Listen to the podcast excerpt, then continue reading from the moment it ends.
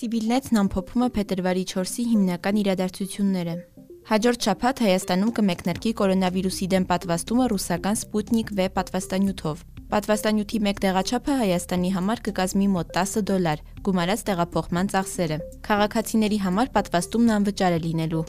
Առաջին փուլով պատվաստման հնարավորություն կտրվի ռիսկի 4 խմբի՝ 65-ից բարձր տարիքային խումբ, խնամքի սոցիալական կենտրոնների բնակիչներ եւ աշխատակիցներ, քրոնիկ հիվանդություններ ունեցողներ եւ բուժաշխատողներ։ Արցախի անվտանգության խորհրդի քարտուղար Վիտալի Բալասանյանը հայտարարություն է տարածել, որում հերքել է վերջին օրերին շրջանառվող մի շարք լուրեր, այդ թվում Արցախի պաշտպանության բանակի կազմալուծման, Արցախում որոշ տարածքներ Ադրբեջանին հանձնելու եւ այլնի մասին։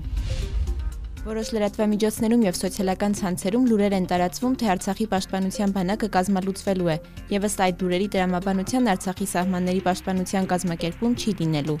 Այս կապակցությամբ ցանկանում եմ տեղեկացնել, որ Արցախի պետական մարմինները ներկայումս զբաղվում են պայմանագրային հիմունքներով պրոֆեսիոնալ ստորաբաժանումներ կազմակերպելու հարցով, հենց մեծ սահմանների պաշտպանության նպատակով, նշել է նա։ Երորդ նախագահ Սերժ Սարգսյանը հանդիպել է Հայաստանում Ռուսաստանի դեսպան Սերգեյ Կոպիրկինին։ Հանդիպման ընթացքում քննարկվել է Լեռնային Ղարաբաղի պատերազմի հետևանքների հետ կապված հարցերի լայն շրջանակ։ Դեսպանի խնդրանքով Սարգսյանն անդրադարձել է ներքաղաքական իրավիճակին, ինչպես նաև տարածաշրջանային նոր աշխարհակաղակական իրողություններին վերաբերող հարցերին։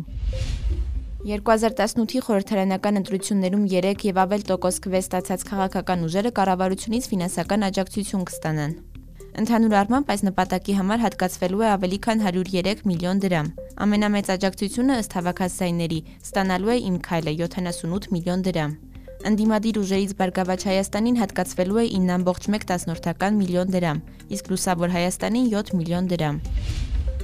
Սյունիքի մարզի Որոտան եւ Շուրնուղ գյուղերի այն բնակիչները, որոնց գույքն անցել է Ադրբեջանի վերահսկողության ներքո, պետությունից փոխհատուցում կստանան։ Իրենց տները կորցրած շուրնուղցիներն ու որոտանցիները կստանան եւ միանվագ եւ ամսական աջակցություն։ Միանվագ աջակցությունը կկազմի 300 հազար դրամ։ Ամսական աջակցությունը կկազմի 68 հազար դրամ 6 ամիս շարունակ։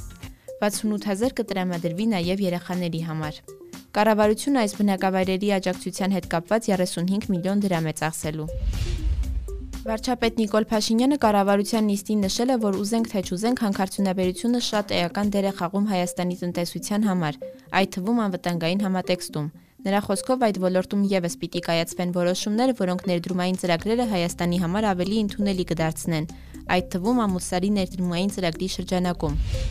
Ֆինանսների նախարար Ատոմ Ջանջուղազյանը հայտնել է, որ այս տարվա ավարտին Հայաստանի պետական պարտքը կկազմի մոտ 8.9 միլիարդ դոլար։ Նախատեսված է, որ կառավարության պարտք ՀՆ հարաբերակցությունը 66.3% է կազմելու։ Ֆինանսների նախարարի խոսքով պետական պարտքի ավելացման հարցում արտառոց որևէ բան չկա, ըստ նրա ռիսկերը կառավարելի են։